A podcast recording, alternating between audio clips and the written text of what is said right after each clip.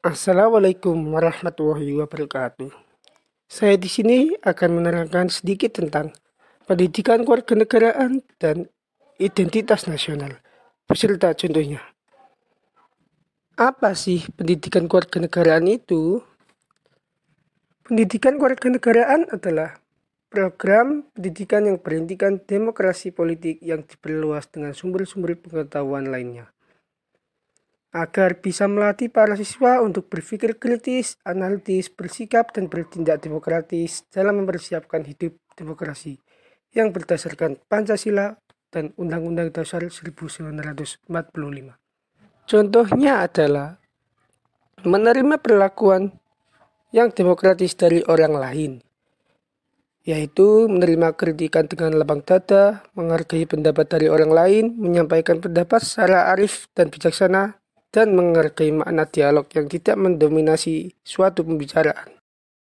Apa itu identitas nasional?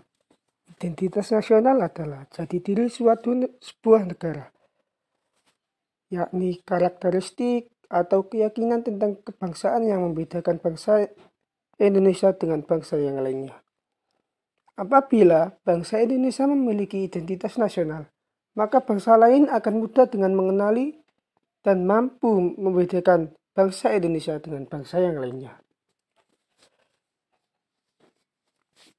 Apa pentingnya identitas nasional?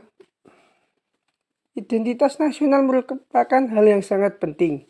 Di Indonesia sendiri memiliki dasar yang sangat kuat berupa Pancasila dan Undang-Undang Dasar 1945 menunjukkan keberadaan eksistensi bangsa lain menjadi penciri yang mudah dikenali dan membedakan dalam pergaulan antar bangsa. Apa fungsi identitas nasional? Fungsi identitas nasional adalah sebuah alat yang mempersatukan bangsa khususnya bagi negara yang majemuk sebagaimana kita ketahui di negara kita adalah bangsa majemuk karena banyak suku, budaya, agama, serta ras.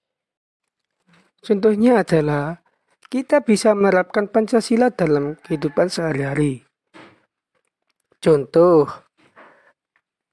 dalam sila pertama yaitu ketuhanan yang Maha Esa, kita sebagai umat muslim bisa menerapkan sila pertama ini dalam kehidupan sehari-hari dengan cara sholat lima waktu dengan tidak bolong-bolong